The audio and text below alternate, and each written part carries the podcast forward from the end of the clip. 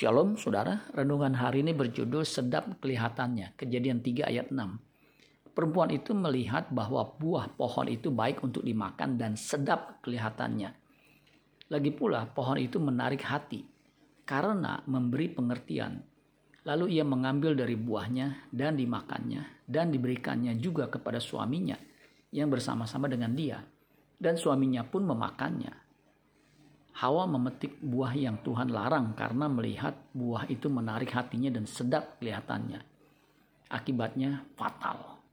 Kematian seperti yang Tuhan katakan dalam kejadian 2 ayat 16 sampai 17 dikatakan, Lalu Tuhan Allah memberi perintah ini kepada manusia.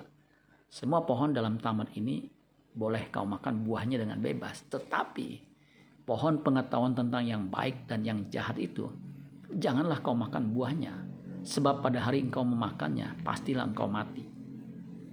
Dunia ini penuh tawaran yang menarik, yang di dalamnya ada jebakan yang mematikan. Dulu ada teman yang berkata kepada saya, ternyata selingkuh itu menimbulkan sensasi yang luar biasa, membuat orang lebih hidup dan bersemangat. Jadi menurutnya selingkuh adalah selingan indah keluarga utuh. Dengan sedikit sini saya menjawab, selingkuh itu selingan indah keluarga wancur lebur. Tidak ada keluarga yang selingkuh, keluarganya tetap utuh dan akur. Kita tidak boleh memetik sesuatu apa pun yang kita merasa nikmat. Banyak hal yang bisa kita petik yang dari yang darinya kita merasa nikmat. Seharusnya yang kita nikmati hanya satu. Kehadiran Tuhan.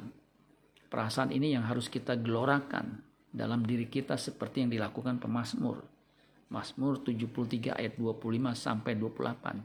Siapa gerangan ada padaku di sorga selain engkau? Selain engkau tidak ada yang kuingini di bumi. Sekalipun dagingku dan hatiku habis lenyap. Gunung batuku dan bagianku tetaplah Allah selama-lamanya. Sebab sesungguhnya siapa yang jauh daripadamu akan binasa.